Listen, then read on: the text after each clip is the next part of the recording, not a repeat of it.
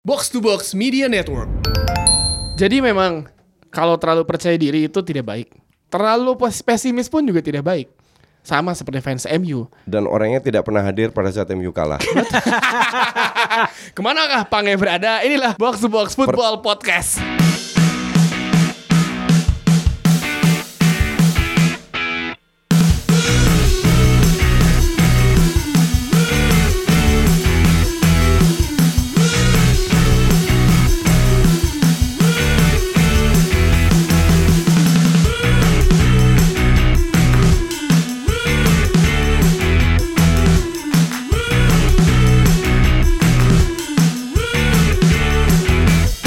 Pertama gue pikir ya emang dia meeting. Sekarang gue bilang ini udah mulai terstruktur. nih. A- Alasannya udah mulai nggak jelas. Tiap kali MU kalah dia nggak pernah hadir. MU datang, Pange menghilang ya. Menghilang. heeh. Dan kalau MU kalah pasti Pange menghilang. Udah faktor sengaja. ini. Selamat malam semuanya, selamat pagi, siang, sore yang mendengarkan. Eh, kita tag dari Senin malam ini. eh, kemarin gue sempat ngepost di. Upnya kapan? Apa? Upnya Langsung naik. langsung. Heeh. Gitu dong. Apa namanya? Kemarin gue sempat ngepost di Twitter. eh, paling pas kalau MU kalah tuh ada Pange ada Justin.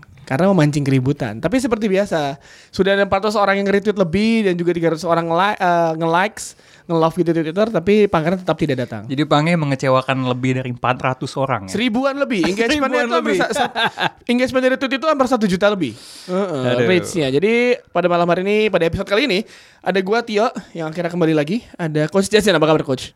Baik. Mantap Alhamdulillah. Gue tadi offer sempat berbicara dengan Coach Justin Perihal dia menjadi YouTuber Ya kan apa namanya tidak ada kata waktu eh, tidak ada kata terlambat dalam hidup Ah. ini contohnya coach Justin Yes. ya kan lu nggak perlu edit edit ribet ya Lu kan nggak perlu aparatur mahal. iya heeh. Lo cuma butuh sekaleng minuman ringan Oh, ya. ringan dan udut. Udah. Udah. Ba- bahkan ada yang tanya, Coach, mic-nya merek apa? Karena suaranya jernih banget. Gue bilang, gue beli online cuman gocap. Tripodnya Justin yang beliin gua atau nitip. Gue gue cek, ini mereknya apa? Kagak ada merek. Ada Randy Alif apa kabaran? Iya baik, gue sebenarnya ke sini buat meeting sama Tio soal podcast lain ya. Tapi ditarik, padahal gue disclaimer aja gue nggak terlalu nonton bola sebenarnya kemarin. Gue juga minggu lalu juga gak nonton bola lagi di pertandingan juga. tertentu saja. Ya tapi eh Enggak, ya, ka- kalau MU gue siaran, jadi Ya, Oh, asik. Sama siapa? kesayangannya dia.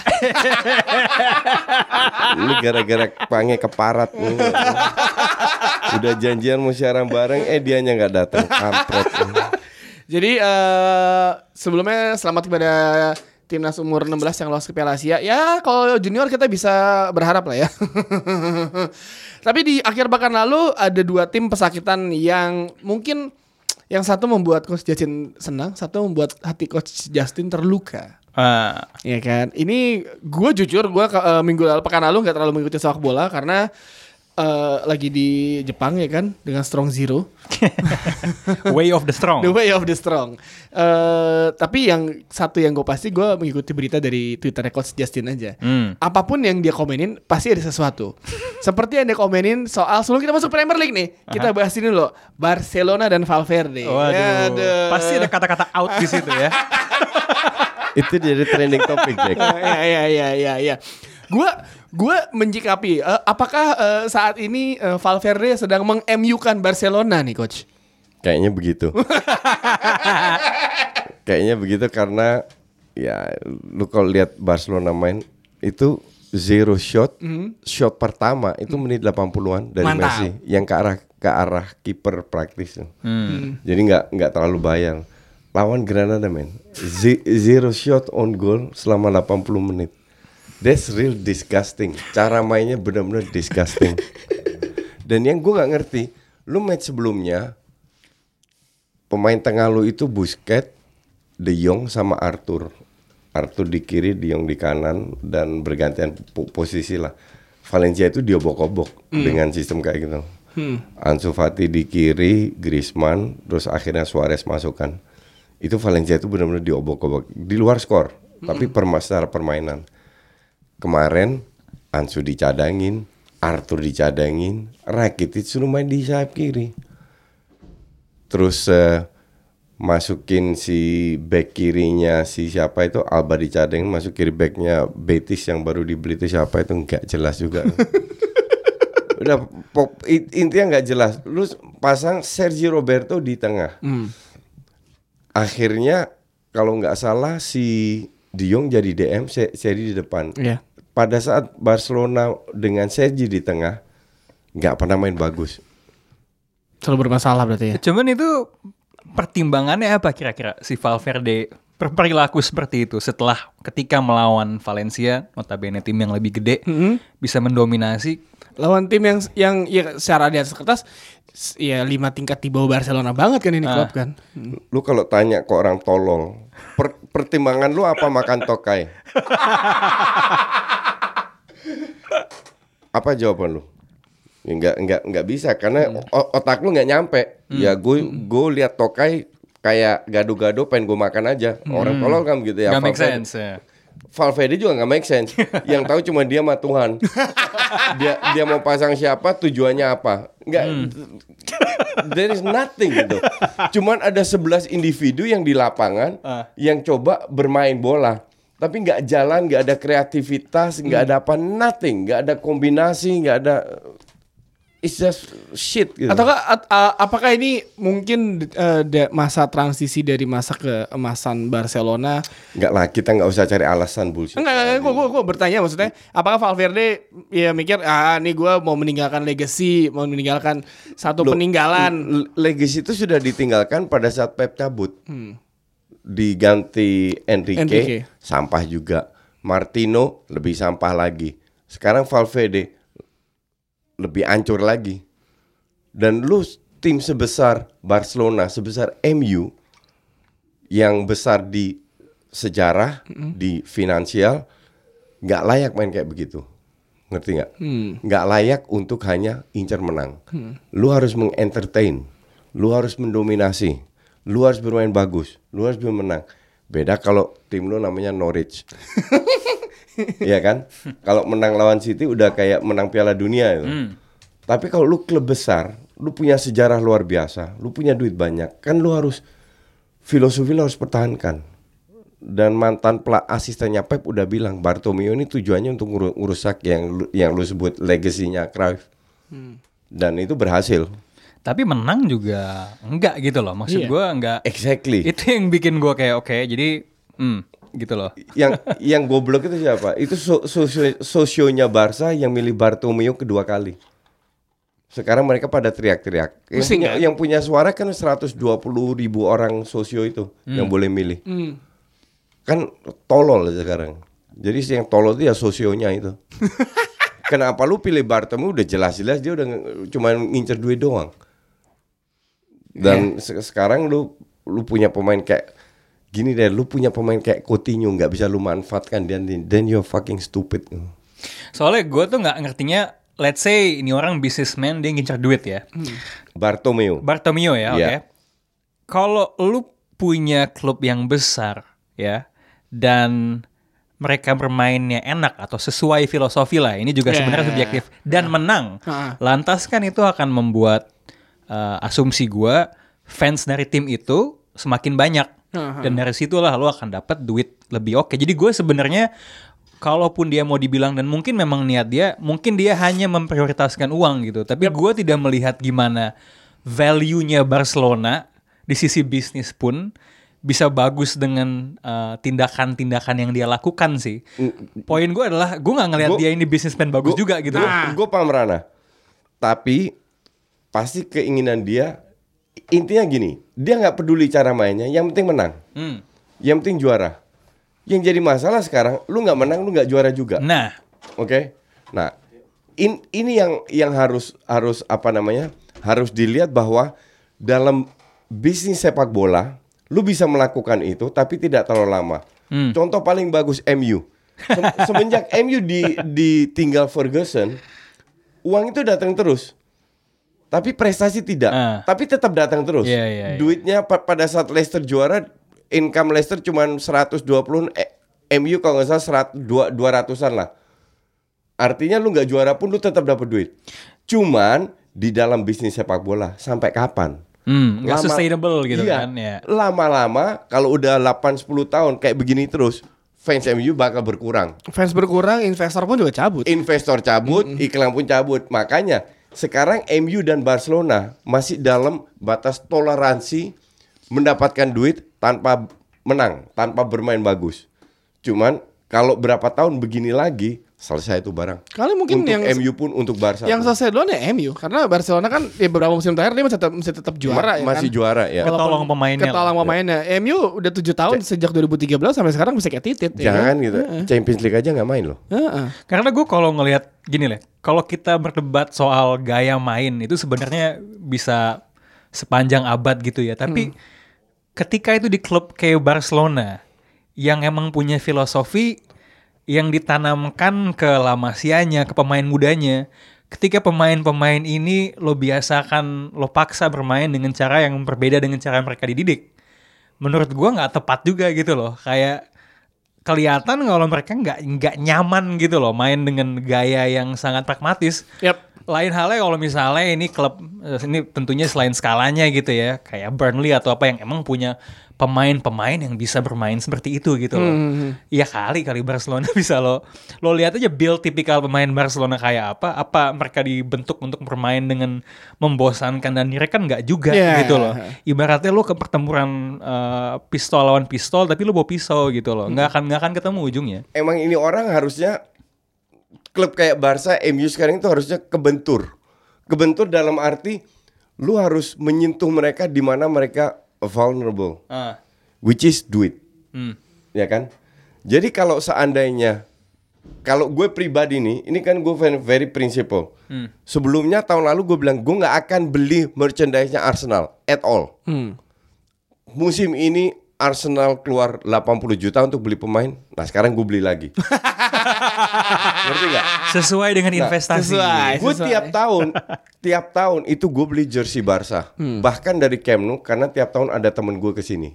Gue pesen, gue bayar dan itu mahal loh. Itu sekitar satu setengah jutaan. Ya. Pakai nama dan nomor.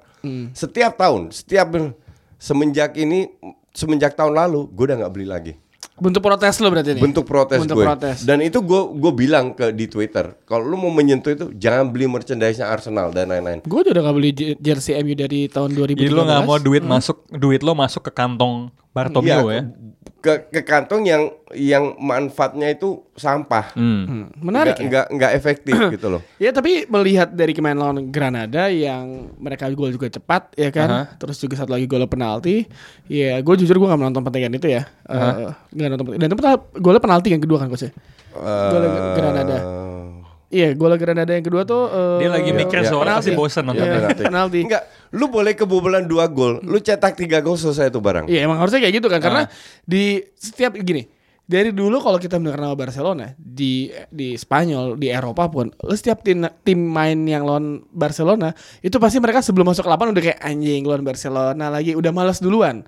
Ya kan? Tapi mungkin setelah ber- eh, dua, dua musim terakhir ini di, di pegang Valverde kengerian itu seperti seolah akan hilang. Karena ketika tim seperti Granada bisa mencetak dua gol walaupun bermain di kandang nyetak dua gol dengan mudah dan Barcelona gak bisa menyetak gol satu sa- eh, satu pun kan ini lebih kayak wih jadi semua orang bisa nih sebenarnya ngalahin ng- ngalahin Barcelona ya kan?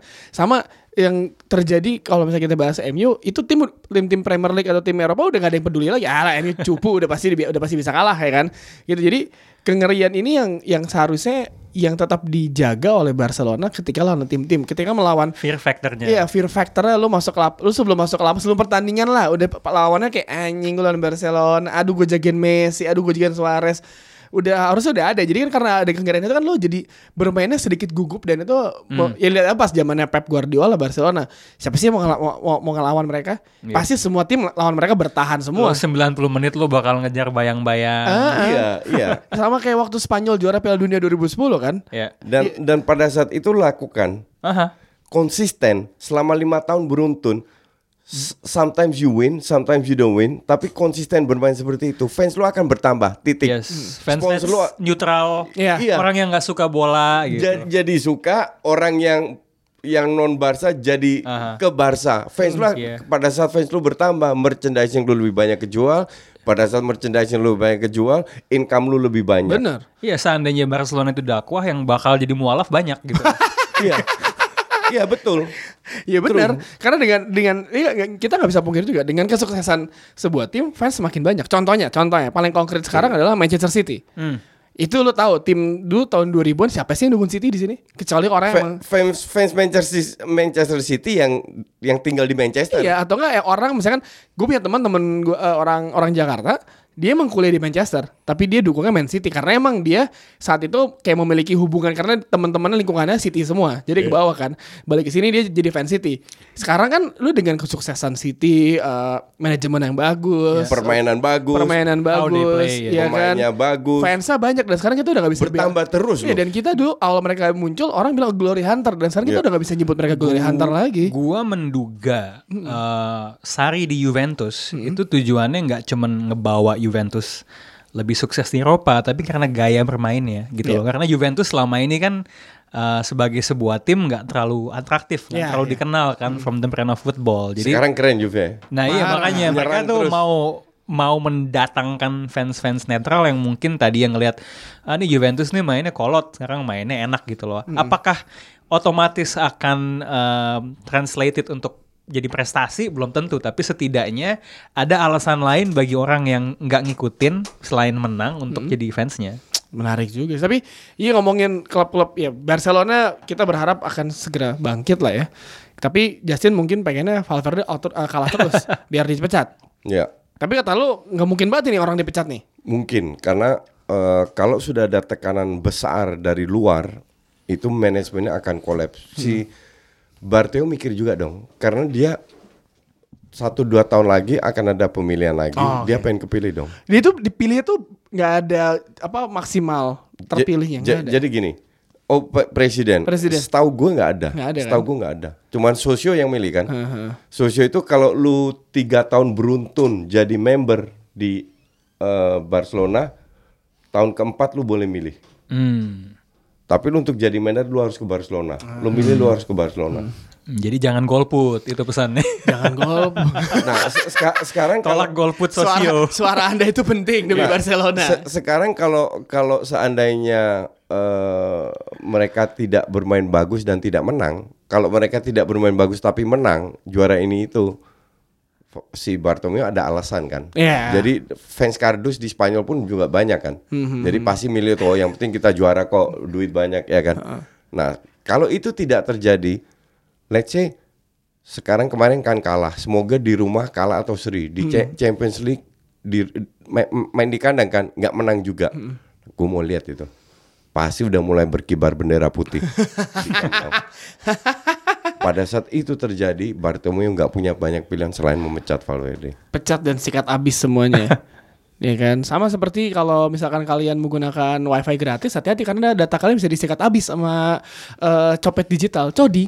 Yoi, copet digital. Seperti yang dibahas di obrolan babi bu, kayak gimana? Dengerin dulu yuk.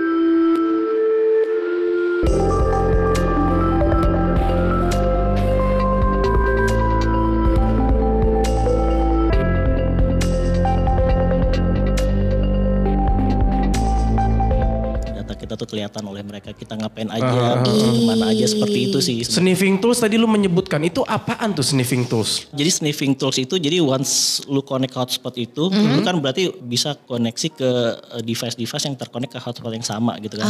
Oke. jadi once lu injek itu jadi lu mungkin di awalnya lu bisa kelihatan oh ini orang pakai IP address berapa terus operation systemnya apa OS-nya apa seperti itu gitu Dan sniffing tools itu tuh bisa didapatkan secara apa maksudnya orang lain tuh bisa dapetin secara legal secara di mana-mana jual. beberapa tuh ada yang free sih. Jadi sebenarnya itu kadang-kadang gue kalau di kantor tuh eh, make itu ya untuk eh, troubleshooting network gue gitu. Tapi kan yang namanya tools itu kan lu bisa aja buat pakai hal-hal yang lain gitu. Iya. Untuk melihat sesuatu yang lain yang seharusnya nggak iya. boleh ngeliat gitu. Kalau digunakan di itu sih. tempat atau di situasi yang benar sih ya nggak apa-apa ya. apa-apa. Cuman Betul, kalau untuk betul. pihak-pihak yang punya kepentingan dalam tanda kutip jatuhnya bisa jadi negatif gitu kali ya. Iya ya. betul seperti yang namanya teknologi kan kita nggak tahu kan mau dipakai buat Iya, apa. Iya, itu iya, dia. iya.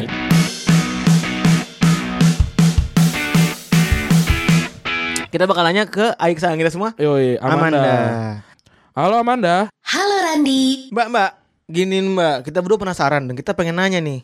Sebenarnya kalau kita pakai VPN itu aman gak sih? Tadi kita berdua berdebat tuh. Heeh. Hati-hati. Menggunakan VPN gratis itu banyak bahayanya loh. Nah ya kan emang kalau VPN gratis itu emang berbahaya sebenarnya. Jadi eh kita pengen bayar pun suka kan kayak aduh masa masa beli untuk VPN doang gitu kan. Nah terus gimana mbak bahayanya tuh kayak gimana? Nih, aku kasih tahu ya bahayanya. Yang pertama, kamu bisa menjadi korban penjualan data secara ilegal. Nah ya kan benar kan? Jadi Serem emang- ya? Serem. Jadi jadi emang tidak pernah ada satupun yang gratis gitu. Bahkan untuk apa ya? Untuk eh, aplikasi-aplikasi yang biasa pun itu sebenarnya data kita diambil. Nah, lu mau tahu Ran? Ran, kita dapat permain gratisannya nggak boleh kan? Nggak boleh. Kata orang tua. Nggak nggak boleh. Nggak boleh. Ini apalagi pakai VPN? Gratis. Gratis, bener. Yang kedua, kamu bisa kena tuh serangan yang namanya man in the middle. Para hacker bisa saja masuk di tengah jalur komunikasi yang kamu miliki. Ini adalah jalur paling berbahaya yang dimiliki oleh para hacker loh. Serem memang ya, Ran. Si hacker-hacker ini ujuk-ujuk itu kayak bisa tengah-tengah ya. Hmm. Anjir, tengah-tengah kayak seton gitu. Iya. Kalau lagi pacaran ya kan. Orang ketiga adalah seton. Bener. Ini- Kalau nggak tukang ini Starling. Nah, lu pikir ini episodenya isinya Randy Febri kan? Enggak lah, ini football, box to box football podcast, the number one uh, number one sport podcast di Indonesia, ya kan? Football podcast. Football podcast, nomor nomor pertama di semua olahraga podcast, paling keren. Cek, Box out number one basketball podcast. Tapi kemarin eh, sedikit eh, ini aja, box out bakal ada episode spesial ya, yes. ngebahas salah satu game NBA 2K20. NBA 2K kita dikasih sama pihak 2K. Uh, Mulainya kapan sih? apanya? Musimnya? Iya. Musimnya sebulan lagi. Oktober jadi. Ya, jadi kita bahas video gamenya dulu. Kebetulan Paul selama ini kalau di TV dia belajarnya dari video game sebenarnya. Ah. Karena video gamenya tuh update banget dengan semua data dari pertandingan Ntar gue. Januari ke New York, gue pengen nonton Knicks. Mantap. Jelek tuh tim tapi coach. Itu, Patrick Ewing ya? itu, Patrick itu Ewing. MU-nya NBA itu. Itu New York Patrick Ewing berarti ya? Zaman dulu tahun 90-an. Sek- Sekarang lagi papan bawah terus, Ya, tapi Madison Square Garden tuh emang bisa dibilang Mekahnya Iya. basket sih. Oke, jadi jangan eh, jangan sampai lupa mendengarkan Retropus tadi sudah ngebahas si apa namanya VPN dan juga box out episode terbarunya. Tapi yang sekarang lebih baik kita mendengarkan kita karena kali ini kita akan bersabda soal Premier League. Ini satu hal yang menurut saya sangat menarik ya. Minggu lalu eh, Pange bilang antara Arsenal kalah MU menang. Ternyata kejadian. Ya kan? Dan beruntung hari Jumat kemarin gak ada podcast. Mungkin Pange bakal sesumbar lagi. ya kan MU menang, ya kan? Tapi eh sebelum ngebahas MU gue mau ngebahas Arsenal lawan Aston Villa. Ini pertandingan ini mantap. gue inget banget awal-awal pertandingan gue baca Twitter Coach Justin tuh udah kayak mantap. This is the real Justin. ya kan? Lawan Aston Villa ketinggalan eh, kartu merah kan? Ya, Kartu merah tapi akhirnya di menit di eh, menit-menit akhir menit 85. Delapan, eh, eh, tendangan bebas langsung membuyarkan Aston Villa. Ini ini sebuah match di mana em, kembali terbukti bahwa lu bisa memenangkan pertandingan dengan agresivitas dan fighting spirit. Sebenarnya Unai Emery itu biasa aja lah. Cuman dia bisa sukses kalau pemain Arsenal agresif. Yang gue protes keras dari Unai Emery dan sekarang gue akan viralkan hashtag Emery out kalau seandainya Zaka dimainin lagi.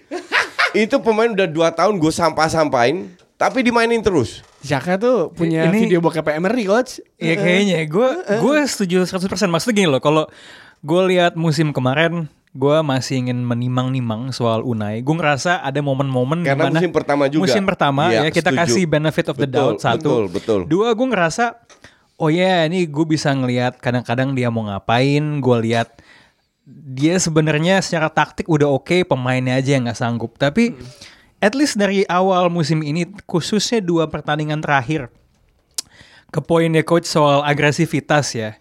Ini lawannya Villa. Kemarin lawannya Watford ketika dihajar 31 shot salah satu statistik paling aib gitu ya. Setengah main juga eh, kayak kemarin lawan Villa shotnya juga banyakan Villa gitu loh. Ini kenapa lawan tim-tim seperti ini dari sisi peluang Arsenal ini didominasi dan di sisi sebaliknya juga gue ngelihat sangat miskin kreasi. Oke lah, Mesut Ozil itu pemain yang bisa dibilang sangat inkonsisten dan gue gak percaya. Tapi kalau lu punya kesempatan buat mainin dia, apalagi setelah dia nggak main lawan Frankfurt kemarin, ya you play him against Villa yang sebenarnya juga mainnya nggak agresif agresif amat gitu loh. Villa itu nggak banget mainnya. Iya gitu loh.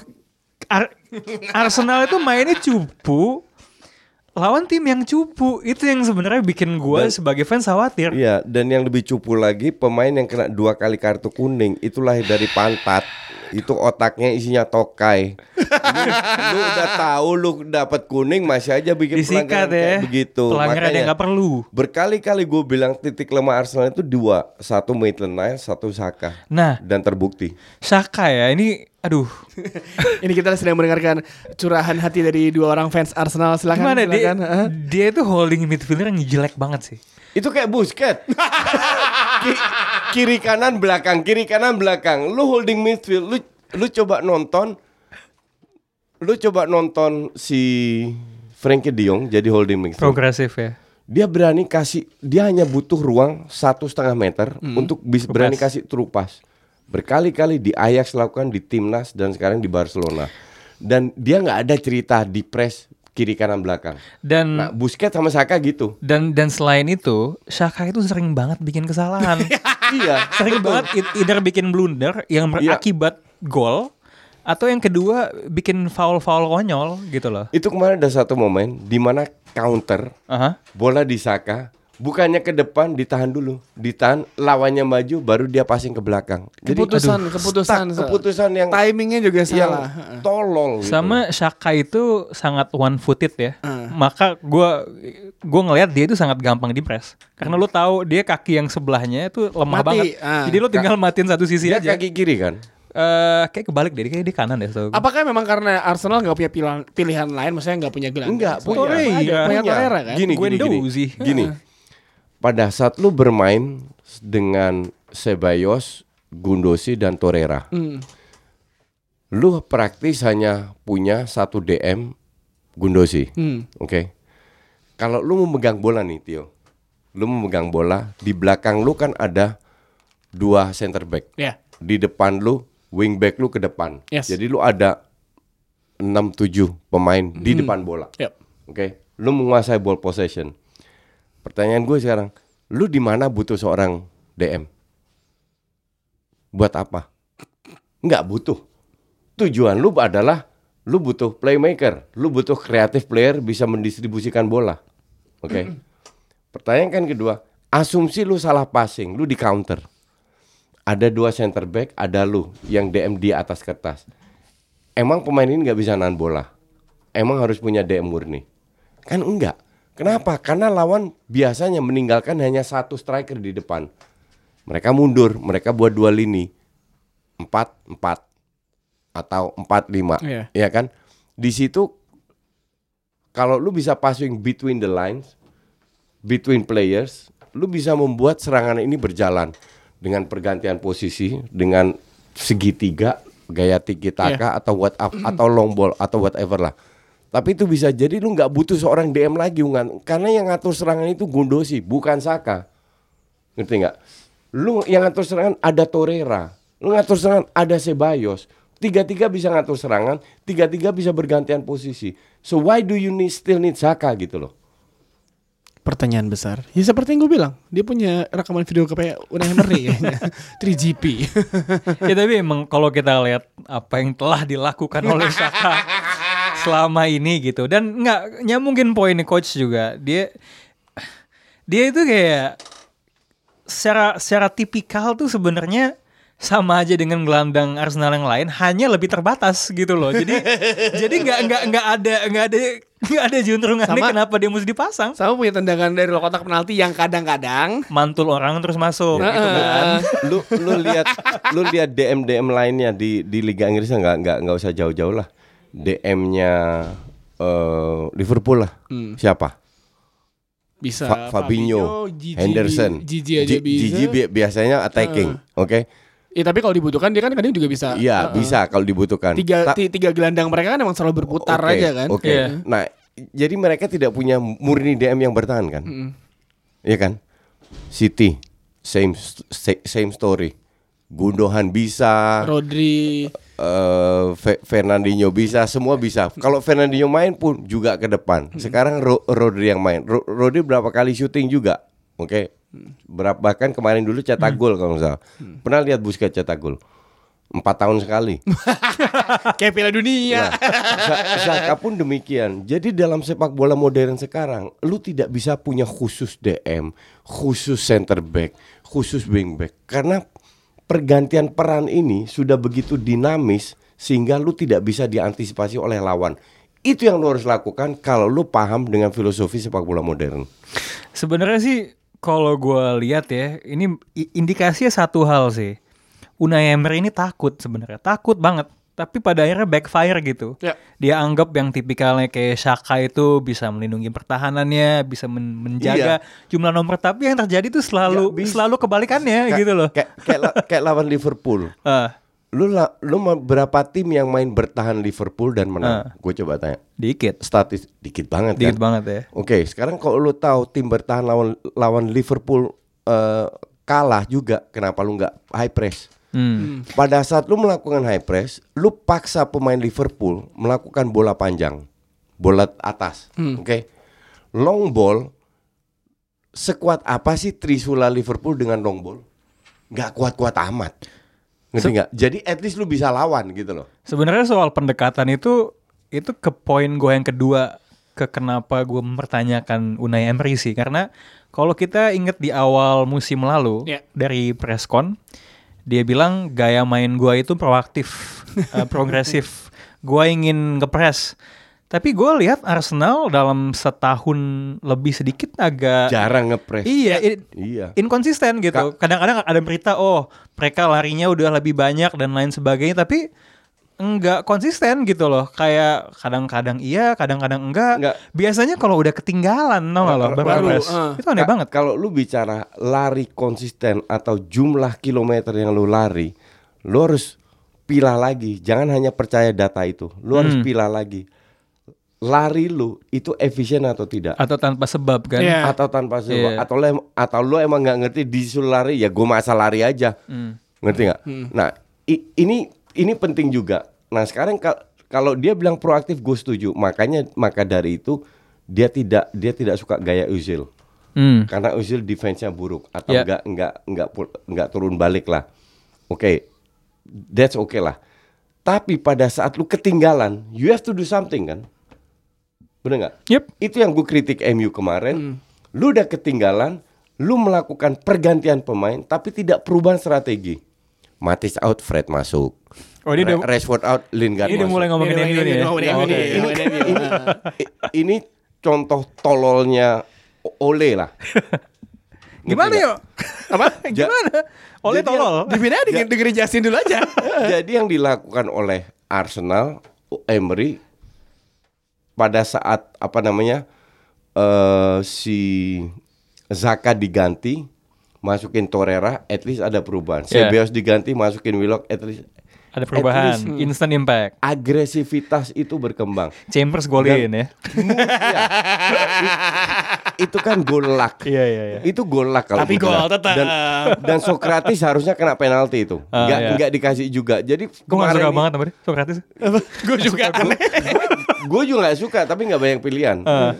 Nah se- se- sekarang gue bilang kemarin Arsenal menang itu lebih ke faktor luck. Hmm, faktor setuju. luck memang layak menang karena fighting spirit Ya. dan juga karena lawannya cemen. Hmm. Tapi bukan dari sebuah set play Nah. atau strategi yang hebat. Ya. Makanya gue tuh ngerasa jangan sampai pertandingan kayak kemarin itu kita tuh kalau mengutip bahasanya Amar di box out tuh jadi prisoner of the moment. Karena kita ngelihat momen comeback, kita Yeah. ngelihat fighting spirit, jadinya wah ada signs of improvement gitu. Enggak, karena enggak. karena to be honest walaupun substitutionnya Emery itu punya impact dan iya dia melakukan sesuatu nggak seharusnya Arsenal lawan Villa di kandang Harusnya sesusah itu. Teteran. Iya kan? Dan ya semo- semoga Maitland Lines itu cedera 4 tahun. Oh, biar biar Ini pelatih jahat banget. biar nggak usah main lagi. Itu pemain sampahnya sampah itu. Musim lalu musim dia Iwobi kan. Iwobi udah cabut sekarang. Eh. Lo enggak lo lo harus kasih hobi kan kalau dulu Iwobi itu mancing. Nah, maintenance eh, Hobinya apa? itu apa gitu loh. Enggak, dia terlalu tolol. lu gak- how how can you gue itu mantan pemain loh level gue amatir iya Ah. tapi gue tahu dan gue pemain keras di lapangan no mercy hajar ha- gue nggak pernah ngerengek kalau gue diajar gue diam pasti gue ajar balik tapi kalau udah dapat kuning lu dapat dua kali kuning itu tololnya tolol Ah. untuk gue you don't do that gitu loh Kuning ngerem gitu Iya, ya. kuning pertama harusnya ya, itu udah tanda lah. Hmm. Sebisa mungkin jangan sampai ke dapat kuning kedua. Iya kan goblok. Heeh. Itu bener-bener gobloknya goblok kalau dapat dua kali kuning itu. Ya kan? Jadi ya lebih goblok lagi eh, MU coach. Nah, tuh. Nah, ya kan? Se- Sebenarnya nggak go- nggak lebih goblok, emang sikonya begitu. emang Sok-sok situasinya diperhalus. begitu. Sok-sok diperhalus. Emang udah kartu mati itu MU. Kemarin itu kalau dia siaran nggak ada nggak ada sensor KPI itu kata Kena. keluar semua. Karena Heeh. siaran ini tidak sehat. Tidak ini sehat. Eh, kalau nggak ada sensor KPI kemarin dia ngomongnya ada seugal-ugalan itu. Wah itu gua gua abisin itu kalau kalau Apalagi kalau coba kalau kalau partnernya Pange, waduh senyum enak banget itu Gue studio. gue nggak nonton cuma lagi mantau timeline lihat Twitter pange eh, MU goblok MU Oh goblok. itu udah udah, sta- udah pasti. Udah pasti. Udah pasti. itu selalu Selalu. Kalau- MU kalah itu itu standar. Ma- sengaja dia pasti kayak gitu. Makanya gue bilang di Twitter tolong pantau akunnya Pang- Pangeran Syahaan. Tapi emang kemarin gua eh, nonton sambil tugas jadi komentator play by play timnas umur 16 di GBK Ya. ya kan, streaming ya kan, streaming di stadion ya kan, sambil nonton kata Kang Jalu ngapain sih ditonton ya lah Kang ya udah sih nikmatin aja. Eh di satu sisi timnas juga buat anak-anak muda kita itu bermain luar biasa. Di satu sisi tak lihat lihat lihat penampilan MU. Ya Allah. Enggak, gue gue gue mau tanya sama lu Tio sebagai fans MU ya. Kalau pada saat Arsenal kalah lawan Chelsea, oh sorry lawan Liverpool di kandang Liverpool, itu gue udah expected karena dari segala segi Arsenal kalah. Gue sebut lawan Liverpool itu expected loss, calculated loss. Sedap. yang yang kita sebagai fans Arsenal Udah pasti udah tahu lah ya. udah pak pasti kalah. Ekspektasi udah rendah Ya, lah. gue tanya, MU lawan West Ham juga calculated loss nggak? Kagak kalau menurut gua. Kalau gua pribadi nanya sama gua. Tapi tahun tahun lalu kalah loh. Iya tahun lalu. Kalau misalnya kalau lu berbicara Dan- tahun tahun lalu dengan Dan Pellegrini sudah mengalahkan tiga, sekarang keempat manajer MU yang berbeda. Iya, Dari Moyes, Van Gaal, Mourinho, sekarang Ole. Ini mau mak- mak- mak- maksud gua pas lawan West Ham ngelihat dari ya sebagai fans MU, gua lawan West Ham ya bisa lah dilawan. Kecuali misalnya lawan lu Liverpool nih. Ya, ya udahlah ya, udah kelihatan. Eh gua sangat sangat eh, kesal Ber- berdasarkan apa lu bilang bisa? Hah? Hanya karena West Ham tim mediocre atau karena lu lu fans MU? Ya, gue pertama fans MU coach. Kedua kalau ngeliat di atas kertas, secara statistik saya di atas kertas ya pemain-pemain yang dimiliki MU jauh di atas West Ham lah. Di atas kertas. Di atas kertas Ta- kan, ta- kan, kan lu, lu, lu nanya ekspektasi gua kan? Ya gue ekspektasi gua, ya gue menang lah coach. Ta- Tapi pas udah ngelihat Yarmolenko nyetak gol, ini ya, ini analisis gembel gua nih. Kalau lu ngelihat MU dari musim lalu, back mana yang selalu melakukan kesalahan itu kalau lu lihat aja, lu perhatikan lagi eh, gol-gol yang tim-tim lawan cetak MU, lu mau tahu yang paling sering melakukan kesalahan siapa? Victor Lindelof. Oke. Lu gak ada yang percaya kan? Lu nonton semua, Bukan Smalling Jones. Bukan, ya setiap kali Li- Lindelof main, Lindelof out of position. pertama, ya ditambah lagi kebusukannya Smalling Itu- sama Jones, udah semakin lengkap tuh tim. Itu gol pertama Yarmolenko. Itu kesalahan Maguire loh. Iya, gue tahu. Tapi kalau misalkan ini gue ngeluarin analisis gembel gue ya. Iya. Kalau gue ngelihat, gue ke- kemarin di pesawat nonton eh, apa namanya best Premier League goal eh, dua- musim lalu. Terus habis itu gue ngecek lagi gol-gol lawan-lawan MU ke gawang, eh lawan lawan eh, lawan-lawan MU ke gawang IDGA, ya kan? Itu ada banyak banget beberapa kali Lin- Lindelof itu out of position. Ditambah lagi lu duet lu Smalling sama Phil Jones. Eh. Itu kan paling ajaib seajaib ajaibnya, ya kan? Lindelof ketika dapat lawan Maguire harusnya kan bertambah skillnya ya kan. Harusnya kayak oh jadi rock ya kan. Tapi ini Maguire dengan Lindelof, lu inget yang lawan sorry yang kalah di kandang tuh lawan eh, Wolf ya. Gue lupa yang kalah, kalah di kandang Emi. Oh, lawan Crystal Palace, lawan Palace. Itu Lindelof udah out of position, udah salah timing posisi. Maguire juga ketarik sama dia. Jadi kan saat kan gini, dari zaman dulu tuh jadi zamannya Sir Alex gue bukan narik umur lagi. Sir Alex selalu bikin tim dari dua center back mereka. Ya. Bruce Pallister, Ya. eh, Yapstam, Ronnie Johnson. Ya. Terus terakhir Vida sama Rio. Bahkan seorang Gerard Pique pun mengakui, gue nggak mungkin bisa bertahan main di tim utama selama Rio sama Vida masih ada. Akhirnya dia, ya. akhirnya ya udah secara pikir banyak. Akhirnya gue balik ke Balik tim ke kecil gue dapat Ya, Barcelona, ya lebih sukses ternyata. Ya. Tapi ya itu, lu dengan dua back sejajar, eh misalnya dua center back twin tower lu, itu adalah pondasi utama. Kalau Iya. lu mikir MU gelandang striker, enggak. Ferguson selalu bikin tim dari Defense. defense-nya dia. Iya. Iya. Dia beli Yapstam, oh Yapstam pas lagi gila semua disikat cuy. Iya. Oke. Ya cuma karena permasalahan personal sama Ferguson akhirnya dicabut. Itu Ferguson sampai sekarang mengakui itu Nyesel. kesalahan Iya, terbesar iya, dia. Betul, betul. Jual Van, eh, jual Yapstam datangnya Loren Blanc. Ya. Blanc itu kalau lu dulu pas eh, Blanc masuk B L A N C MU kalah timnya Bolton, Liverpool, Arsenal, Newcastle, Chelsea. Blanc. Itu kalah gara-gara Blanc semua. Blunder mulu si kampret ya kan. Nah, Trivia yang menarik ya. Ya, tapi ketika si gue gue analisis gembel gue gue coba mengulang-ulang pas MU kalah. Itu Lindelof sering banget out of position. Duel one on one selalu kalah. Ya kan? Dan juga kalau ngelawan pemain-pemain yang tricky yang cepat kas- kasar gitu. Contohnya lawan Aguero. Ah. Itu pasti dia udah kayak udah kayak dianjing-anjingin. Enggak, gitu. Tio, gue gue percaya, gue percaya bahwa memang dengan adanya Maguire nggak terlalu ngebantu. Kan gue ber- berkali-kali gue juga bilang, Ma- Maguire tidak sehebat yang fa- fansnya pikir, cuman Iya. hebat di harga aja. Dan iya. cuman pada saat lu kebobolan dua, strike lu nggak cetak gol sama sekali Nah, loh. permasalahan yang utama, yang permasalahan ketika gue ngeliat kemarin MU kalah, itu semua gue berpikir ya, ini gue dari sisi fans sama dari sisi ya misalkan anal- analisis gembel aja lah, ya, Anabel kita lah ya. Satu eh, menurut gue suatu kesalahan ketika oleh memutuskan untuk menjual Lukaku, karena lu gak punya striker lagi. Nyet. Bahkan di bench lu, be- di bench lu nggak nggak nggak punya seorang Mason Greenwood yang Lu untuk jadi striker utama. Lu jual boleh, tapi lu nggak harusnya beli. Dan Iya. dia nggak beli. Dia nggak beli dan dijualnya kan udah mepet, mepet banget kan. Iya. Dan berbahagialah Inter Milan bisa menggunakan seorang eh, Lukaku sama Alex Sanchez dengan baik dan benar. Iya. Lihat, lihat seorang Lukaku sekarang di Serie A kayak gimana. Kemarin dari Milan itu, mereka menang. itu karena liganya aja bapuk. Iya. Tapi kan maksud gua ketika lu udah nggak punya striker, striker utama lu sekarang Martial cedera. Hmm. Eh, Shaw Rashford cedera, cedera. Rashford cedera, Pogba Paul cedera. Pogba juga cedera. Ini tim udah total gak punya kreativitas, udah Jadi lu, banget. lu minggu depan dibantai Arsenal ya? Siapa yang siapa yang dipasang di depan ya? Wah, false nine. Bisa jadi Li- Lingard dong.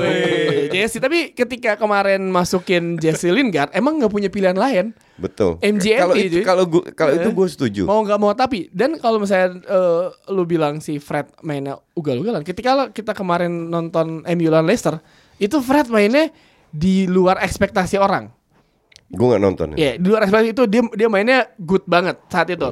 Tapi iya gitu ya ya lu lu bukan lu belum bisa dibilang sebagai superstar kalau lu main lu nggak konsisten. Iya. ya kan? Dan kemarin kita lawan West Ham eh, pas gol kedua ya gol kedua free kick lah. Sebuah free kick yang seharusnya nggak usah dilakukan pelanggaran nama Ashley Young. Seperti biasa. Pelanggaran-pelanggaran Nggak, penting. that- that's the- Tio, sepak bola futsal ini kan olahraga yang penuh dengan kesalahan. iya. Tambah banyak lu salah, tambah banyak lu eh, kebobolan. Simple kan? Iya, kalau- nah, sekarang gue tanya sama lu. Kalau gue jadi oleh, lu main 4-2-3-1 dengan satu DM. Lu udah ketinggalan 1-0, entah 2-0 whatever lah ketinggalan berapa. Lu harus rubah strategi lu. rubah lah Gue bilang di TVRI, gue akan main 4-1-4-1. Gue masukin Tai Chong, Daniel James ge- geser ke, Nah. bela- ke, ke belakang Rashford, terus eh, Matis gue korbankan. McTominay pure DM iya dan itu yang dan nggak dilakukan. Iya, itu yang sering banget dilak. Ini yang orang kayak melihat oh oleh hampir sama kayak tai kucing kagak nyet. Sir Alex itu walaupun dia di beberapa musim terakhir tuh bukan the tactical uh, Iya, uh, master. master, Iya. dia punya McFillan sama Ren. Dia selalu ketika ketinggalan, lu lihat, lu punya Makeda di bench, masukin. Iya, ya betul. kan? Bahkan Rio Ferdinand suruh maju Ke depan, semua. iya. Itu udah kayak Spartan yang mesti lu lakukan Ya, untuk perubahan itu. Ya terlepas dari filosofi ya ketika lo ketinggalan udah Mau nggak mau, udah kan? waktunya lo hati-hati lagi. Iya, Iya, udah. Lu betul. t- ngapain tetap main dengan 4 2 3 1 kalau lu beneran ini yang yang juga ini salah satu yang yang yang gue bilang gue respect sama Ole sebagai pemain, tapi ketika pelatih, oke lu memberikan eh, sua apa eh, rasa baru lah ya ke, ke kepercayaan baru, tapi dari beberapa pertandingan terakhir dengan komen-komen orang di media sosial sama di ini orang bilang oh MU lagi perubahan lu bakal ngelihat MU dua tahun dua tahun berturut-turut seperti ini iya gue sih udah udah udah pasrah dua tahun berturut-turut nggak bakal nggak bakal Betul. sukses sama sekali Iya. tapi nggak sesampah ini juga maksud Iya gue betul setuju. Gue tuh belum ngelihat apa ya ada gini. Ada titik terang at the end of the tunnel. Chelsea tuh hasilnya belum oke dan bisa aja eh, nggak sukses, bisa aja, bisa aja. Tapi cuman, mainnya keren men. cuman setidaknya, nah ini ini bahkan terlepas dari menurut lo mainnya indah keren atau apa, Iya. setidaknya tuh kelihatan ini Frank Lampard nih mau main kayak apa nih? Yes. Iya. Gagasannya apa? Iya. Nah, like- Ole udah 6 bulan sekarang kan di MU. dia berapa pertandingan tuh kalah away mulu Nah, nggak pernah menang away Awal-awalnya Kandang juga kalah lawan dia lumayan sesumbar nih. Gua akan mengembalikan gaya main MU, identitas Counter attack. Tapi sampai detik ini lu tanya ke gue eh, dari sekelibat gue nonton MU, gue juga nggak bisa tahu gini. MU tuh tim yang yang mainnya mau kayak apa ngapain sih gitu. mau ngapain. Gue gak jelas aja di Iya, gue gitu loh. gue lebih percaya jauh lebih percaya Frank Lampard daripada Ole. Frank Lampard di di Chelsea musim ini diberikan kebebasan dia mainnya beneran attacking Iya. lo kebobolan satu lo nyetak dua gol lah Tapi lu create chances. Iya. Lu mendominasi dan pertandingan. dan ini ketika kemarin lawan West Ham di depan kayak kembali lagi ke MU ketika Jose Mourinho musim terakhir ya bingung mau ngapain iya. bahkan menurut gue Jose Mourinho ketika tertinggal dia langsung melakukan perubahan melakukan resiko oh gue Iya. mainin siapa kan siapa Iya, iya. Oleh tuh kayak nyet lama amat ganti It's like pemain it's dan- like ketika dia ketinggalan 1-0, dia lebih takut ketinggalan 2-0 tau nggak lo daripada Nggak, jadi the- satu sama. iya gitu loh. iya The point is gue ngeliat yang yang gue inget itu cuman peluang dari Maguire yang shooting bawah kena kiper dan satu counter attack yang crossing bagus dari sayap kanan Juan Mata sliding nggak masuk. Ini nggak masuk ya Bang. Praktis itu doang dalam 90 menit. Nggak nggak ada peluang besar lainnya. Ini iya, iya. kalau lu tanya gue sebagai fans MU lu kesel, ya kesel lah. Gua. Yang yang gue gemes tuh sebenarnya gini sih, gue gue nggak terlalu gimana gimana sama MU ya. Maksud gue gue ngerasa era rivalitas Arsenal MU tuh udah berpuluh-puluh tahun yang lalu ya. I feel old talking about it. Cuman em gue sebelnya nih banyak banget ex pemain MU tuh jadi pandit kan sekarang di Sky Sports kayak gitu. Asli. Dan semakin blow on MU, semakin semakin mereka ganas padahal menurut mereka menurut gue sih mereka nggak bagus-bagus amat sih jadi pandit itu yang Emang. bikin gue gemes kayak Roy Keane ngomong di makin kerjaan yang ngoceh mulu. iya, adalah. Paul Paul Scholes juga eh, Yang paling mending Gary cuma- Neville gagal jadi pelatih Iya, yang paling benar jadi pandit di si Gary Neville. ah ya yang yang yang yang paling nggak nggak over lah gitu Karena emang dia ya, iya, apalagi dengan Jamie Carragher. Tapi kalau ngomongin MU musim ini, gua ya kalau kemarin kalah sama Sebenarnya musim lalu juga udah musim lalu di beberapa pertandingan terakhir sih udah terlihat setelah yang menang Setelah lawan la- la- menang la- menang lawan PSG, menang lawan PSG. Setelah 8 kali beruntun. Iya, 8 kali beruntun menang lawan PSG, abis itu kalah sama Arsenal. Yang gue bilang saat itu MU main gak buruk lawan Arsenal, tapi emang kalah. Kalah. Kalah iya Arsenal Unai Emery perubahan taktiknya lebih oh lebih menurut gue Emery taktik bagus tapi bagus itu. banget di, di, di Iya, pertandingan itu. Iya, yang itu iya, beneran iya. gue buat tapi kayak anjing gue gak bisa nyetak gol. Plus waktu itu penjaga gawang Leno kan ya. Leno apa sih? Yang berapa Eh, berapa kali nyelamatin nyelamatin peluang MU. Jadi kayak ya udah itu emang fair Ah. game kalah. Setelah itu Shaka golin tuh kalau nggak salah iya tendangan dari kotak penalti kan. Makanya gue takut sebenarnya. Emery akan lihat, oh ya Saka biasanya bagus sih main lawan MU terus dimainin. breaker breaker. Tapi maksud gue gini, maksud gue ketika MU uh, musim dep- pe- pekan depan lawan Arsenal banyak banget PR yang mesti diselesain. Kalau misalkan gini, lo kemarin lihat ada video nggak di Twitter yang si Edward di bawah, Jones di atas, Iya, yang dia ngomong. sak in the morning gitu kan. Terus kayak si Woodward yang masih disak si Woodwardnya lah dari awal ini. Eh, yang yang gue takutin untuk minggu depan MU itu kalau melawan tim yang lebih bagus biasa mainnya lebih bagus. Biasanya. biasanya. Biasa dan aja. plus main di kandang pula. Nah, nah itu yang gue takutin bahwa MU bisa aja ngalahin Arsenal. Bisa Mur- banget, murni Coach. karena itu. Bisa banget. gue gue tuh cuma takut gini loh bisa aja secara taktik Emery itu oke. Tapi abis itu Arsenal mendominasi permainan ya. Tapi gue tuh gue sebegitu nggak percayanya mempertahankan Arsenal tau gak lo tiba-tiba akan ada satu dua kesalahan fatalistik di mana setelah mendominasi pertandingan ini mudah-mudahan nggak terjadi ya MU golin pertama and you know tiap first goal tuh bisa nggak determine game itu kayak apa gitu loh Yeah. and then ya, MU tinggal main di counter itu mainnya s- s- eh, Senin dini hari ya Belum gue cek. atau Selasa dini hari Eh, wait, wait, let me Coba check. cek dulu. MU itu Yang- Selasa dini hari jam 2 pagi. oh jadi Senin ya Senin. mau gampang kalau Arsenal kalah handphone mati Tapi datang nggak? Datang nggak?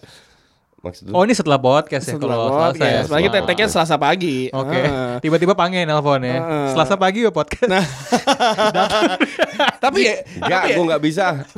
ya tapi kalau ngomongin MU emang gak bakal ada habis ya. Sampai ada perubahan. Nih udah dari 2013 sampai sekarang eh, permasalahan selalu sama ya kan. Gue setuju permasalahan Woodward dan itu kelihatan dari pembelian pemain. Iya. Dia mer- mereka duitnya banyak, tapi pembelian pembelian itu nggak efektif Iya, banget. as simple, as simple eh, ketika lu harus nyari director of football dari awal musim, dari sebelum ini kan lu cari siapa pun itu sampai sekarang nggak ada kan? Iya. Karena si orang kampret ini kan nggak ngerti bola sebenarnya. Iya betul. Jadi lu butuh itu. Jadi ya ngomongin MU eh, sejauh ini mah nggak apa panjang sih. Sama kayak ngomongin Barcelona. Jadi kayak Barcelona seperti di MU kan sama Valverde. Iya benar. ya kan. Tapi yang menarik tadi gue tuh sudah melempar sebuah tweet di ini apa di Twitter. Oke. Eh, coba berikan pertanyaan tapi di luar sepak bola. Nggak boleh satupun pertanyaan tentang sepak bola ke kita kita bertiga. Harus satu lagi buat Pange. Oke. Tapi banyak yang masuk ternyata. gue kan iseng ya. Ngapain ngomongin bola? Kita pasti udah, di eh, analisa udah banyak banget ya kan. Oke, ini eh, pertanyaannya banyak nih. Eh, coach nih. Eh sebentar, sebentar, Lo sebentar. harus gue jawab. Harus jawab, tapi nggak nggak ada yang soal sepak bola, coach. Soal kehidupan Justru ini. itu yang bahaya. nih, nih, nih, nih, nih, nih, nih. Eh, Oke. Saya eh, dari Alex underscore F Dimas buat Coach Justin. Saya lihat di Twitter Coach Justin sering retweet tentang Leo nggak mentolerir bullshit. Terus kenapa Coach Justin sampai sekarang masih betah dengan bullshitnya Pange? Pange itu eh, sosok yang membuat gue selalu hidup. Jadi sweet. nggak, ken- kenapa? Jadi gue butuh sparring partner. Ah. Kalau yang lain iya iya gue injek injek, Pange bisa ngelawan. Nah tambah ngelawan tambah jadi gue. Ngerti nggak? Makanya sosok Pange itu harus ada. Pokoknya ka- karena dia kan sotoy juga. P- PD-nya nggak realistis. Justru orang-orang kayak gitu pengen banget gue injek. Jadi bikin gue lebih kreatif lagi untuk menghajar Pange. Makanya Pange itu penting untuk gue. Untuk perkembangan karir gue itu Pange penting. Mantap. Mantap. Ada Pang eh, Justin disempurna- disempurnakan oleh Pange, Pange disempurnakan oleh Justin. Ini Saling love hate relationship. Yo, ah, ah, ah. ini ada cocok nih buat pertanyaan buat Rana nih dari at uh, Soulless Net Neutron AERB. Dia bilang who's going to Super Bowl this year? Uh, American football sekali. Iya, maksudnya buat banget tapi cocok nih buat lo kan. Oke. S- Semoga bukan timnya Kroenke. Rams ya. Tapi Rams menang tadi pagi lawan tim yang cukup diunggulkan Cleveland Browns. Gue masih susah untuk menerka dari sisi NFC itu siapa yang masuk. Sejauh ini gue lihat kayaknya kalau buat eh, sisi conference AFC eh, itu kayaknya Patriots. Obviously gue pengen Colts sebagai fans Colts. Tapi kalau sebagai neutral gue pengen lihat eh, Chiefs sebenarnya, Kansas City Chiefs karena quarterbacknya Pat Mahomes. eh, kalau ngelempar tuh asik banget, jago banget. Kalau seandainya gue bukan fans American football, hari ini gue nonton American football, gue lihat Mahomes, gue akan jadi fan, ya gue akan jadi fans Chiefs, asik banget deh. Nyaman. Buset, gue sama sekali nggak ngerti lu ngomong apa tau nggak? Gue apa lagi coach? At all. Nah tapi tapi kalau misalnya eh, lo ngecoba ngikutin American football, menurut gua dari semua olahraga Amerika yang gede, yang paling taktis itu American football. Iya, karena lu paling paling taktis. apa eh, apa namanya? ma- Defense sama attack yang beda. Defense attack beda. manual manual booknya tebel ih. Iya. Iya kan? karena karena semua situasi itu sebenarnya kalau di bola tuh set piece, bola mati Iya. sebenarnya. Iya. Begitu jatuh langsung berhenti. Justru itu yang bikin gak asik. Ke- ke- ke- kebanyakan breaknya. Nah emang emang emang itu menurut gua bener-bener polar opposite bola. Bola itu kan fluid sekali kan Iya, ya. ada iya. breaknya. Jadi emang kalau sebaliknya mungkin orang yang udah kebanyakan nonton American football nggak bisa suka sama bola karena itu. Iya, Karena- karena sama lah. Break dinamis. Break Yes. karena semua waktunya pendek-pendek, Iya, pendek, tapi pendek. dinamis banget. Dinamis ya. Dan ada pertanyaan buat kita berdua Ran. Apa tuh? Eh, pandangan tentang pandangan Bang Tio dan Bang Pange atau Rana tentang seorang coach Justin di luar sepak bola tentunya. Anjir. Rana dulu, Rana dulu. Ah, kalau buat gue simple ya, eh, real. Kalau lo lihat komen-komen orang yang tough di NBA itu biasanya, wah dia ini omongannya real, real talk, honest gitu. Gue nggak setuju sama 100%, jangan-jangan gue nggak setuju. Ya, ya lumayan banyak lah omongan yang sebenarnya gue nggak setuju gitu. Cuman eh, gue nggak bisa deny itu datang dari posisi yang jujur, dari pengalaman. Eh, menurut gue pengalaman tuh nggak bohong. Eh, mungkin orang ngelihat dia marah-marah di Twitter em, bilang ini goblok atau apa langsung ngerasa ini orang gampangin banget. Tapi sebenarnya kalau ketemu omongannya eh, jauh lebih panjang dan dalam. Jadi eh, selain real mungkin more than meets the eye kali ya. Ah. nggak mungkin yang ah, nggak suka di blog tuh ngeliatnya ah, ini orang kolot banget. Tapi sebenarnya nggak kayak gitu juga. Kalau gue menurut gue konsistensi tuh humble. hmm ya benar. Ketika lu ngeliat di media sosial ketemu hasil tuh beda. hmm. Mana ada orang habis nyala-nyala orangnya diajakin makan bareng yuk. Nah, nggak ada. di di fallback di fallback, Di fallback gitu. Eh, langsung habis habis disikat waktu itu kan yang waktu datang ke sini diajak makan bareng. Eh, jadi itu banget lu lu nggak tahu apa soal bola gitu kan gue juga nggak tahu apa-apa, tapi dia juga nggak tahu lagi anjing. di fallback aduh. Karena emang apa maksud gue eh, orang di media sosial dengan orang di kehidupan asli kan berbeda. Beda, iya Beda, khususnya lihat aja yang like sama Setrade kan nih ada pertanyaan buat kita bertiga nih, terakhir aja kali ya, udah panjangan nih. Referensi cewek-cewek seksi dari kita bertiga. Satu aja, Seksi itu kan parameternya beda-beda. beda. Kalau orang, Coach? orang ngelihat luarnya seksi. Ka- Kalau gue lihat otaknya itu harus seksi. Jadi syukur-syukur luarnya bagus, eh, dalamnya juga pintar. Siapa tuh coach? Yang bisa lu gambarkan? Gini gini gini. Nah, Serius nih. Gue itu beda, be- bedain sama orang lain. Hmm. Orang kalau punya idola, dia itu pasti pengen tahu semua aktivitas idolanya seperti apa dan lain-lain. Pengen pe- pengen tahu banyak. Gue justru kebalikannya. Gue kalau gue mengidolakan seseorang yang gue sukai lah, oke? Gue tidak mau, walaupun gue bisa kenal dia pribadi, gue tidak mau. Kay- kayak Johan Cruyff. Johan Cruyff itu udah melebihi bapak gue, kasarnya begitu. Tapi gue nggak mau tahu kenapa. Pada saat gue tahu dia lebih banyak karakternya gue kenalan, gue tak ujung-ujungnya dia juga manusia penuh dengan ke- kesalahan. Iya. Jadi untuk gue idola itu biarkan gue nggak kenal, biarkan hanya indah-indah saja. ada jarak ya Ya, Iya. ada jarak dan gue tidak mau kenal. Biar yang gue lihat itu kan gambaran gue kan indah doang. Nah kalau kembali lagi ke pertanyaan itu cewek, cewek itu gue tidak mau kenal. Itu ada satu di Indonesia yang mungkin kalian nggak pernah gue ungkapkan, gue tahu kan. Tapi gue tidak pernah mau kenal dia, karena untuk gue ini dari luar ya itu perfect. Itu Susan Bakhtiar. oh oke Di lain smart, cantik, tapi gue nggak tahu karakternya seperti apa. Gue tidak mau menilai. Jadi dan- lu cuma ya udah mengagumi Ya, gitu menga- aja. Mengagumi aja dan gue tidak akan mau pernah kenal. Hmm, Lu Ran? Eh, kalau buat ya, pertanyaannya apa coba Eh, Mari tadi udah gue ke scroll apa de- bawah lagi. definisi perempuan seksi ya Perempuan seksi menurut kalian? Eh, oke jadi sebenarnya kriterianya apa gitu iya, ya heeh. Eh, kalau buat gua gua sukanya cewek yang Referensi cewek-cewek seksi. Eh, ko- kalau gua yang paling menonjol tuh kalau misalnya eh, cewek ini sangat nyaman melakukan apa yang dia sukai in a way. Ketika dia punya hobi dia punya sesuatu yang dia minati dan dia sangat passionate about it itu selalu menarik perhatian gue.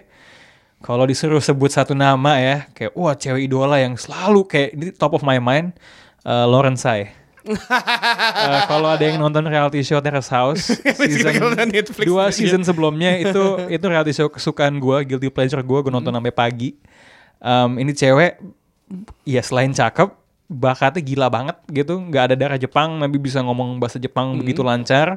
Jago gambar em, bis sekarang tiba-tiba udah bisa acting juga masuk Legion kayak emang jago aja ngelakuin berbagai hal and I think that's really sexy. Dan banyak teman-teman gue juga, misalnya kalau yang post apa, postingnya Lauren Sai. Lauren Sai, iya. Lagi di Twitternya juga sangat menarik sih dia. Wah Twitternya dan dia sebenarnya di, di Instagram tuh punya Siapa dua akun namanya? Lauren Sai Lauren Orang Lauren Indonesia? enggak enggak orang eh, Cina Amerika Hmm. Em, di Twitter eh, di Instagram dia punya dua account satu lagi sebenarnya cuman buat artnya dan artnya itu emang bagus Iya, iya, iya. Gua- emang bener-bener bagus gitu loh legit bagus kalau lo gimana yo kalau lo kayaknya nggak bisa ngasih pasti banyak ya Enggak, tapi yang oh udah nikah soalnya ya? tapi yang yang yang gue suka dari dulu eh ya gue pas ngeliat dia mukanya unik sih. Olivia Wilde oh iya iya iya di OC. she's cool she's cool iya. ya. Tron ya. dan sekarang dia jadi direktur juga Mm, dia kan beneran mukanya tuh kayak Gitu aja sih. Dahsyat ya. Film dia yang Book Smart bagus deh. Ya, tapi belum nonton semua ya gue. Dia menarik sih. Terima kasih yang sudah mengirimkan pertanyaan banyak banget ya. Ini banyak banget yang ngirim sih sebenarnya sampai 200-an tapi kita nggak mungkin baca 200 200 kan. Kayak mesti bikin episode tersendiri nanti kita bikin ya. Eh, kalau nanya ada yang nanya kapan ada box to box live lagi, tunggu kemungkinan besar bulan depan kita ada box to box live eh, trio gado-gado kuningan Pangetio Justin dan mungkin ada Rana juga akan datang juga Di background ya. di background betul tapi jangan eh, lupa mendengarkan terus podcast semua di box box eh, podcast eh, network. Dan juga jangan lupa deng- eh, nonton terus video YouTube Coach Justin. Mungkin dia ada mau giveaway eh, bagi-bagi Enggak, hadiah. gue mau bikin episode baru yaitu Just Life. Dan, dan dan itu dan itu hari Rabu tampil. mantap mantap. Makna Itu gue bahas yang non bola just life tentang makna kehidupan. just, Just life. makna kehidupan dari Justin Just Life artinya cuma hanya hidup kan. hanya Cuman hidup, cuma hidup, anjing. cuma keren ya Keren ya. Deep, deep banget, deep Deep banget. banget dia Semoga banyak itu juga. Mantap. Ya ini dia ingat oh, kalau ingat Coach Justin ingat eh, kesempatan itu datang kapan saja. Cuma kapan kalian bisa memaksimalkan ya kan? Umur hanyalah angka. Ya kan? Jadi jangan lupa dengarkan terus eh, Box Box Football Podcast. Sampai jumpa di episode eh, hari Jumat atau hari Kamis. Bye bye.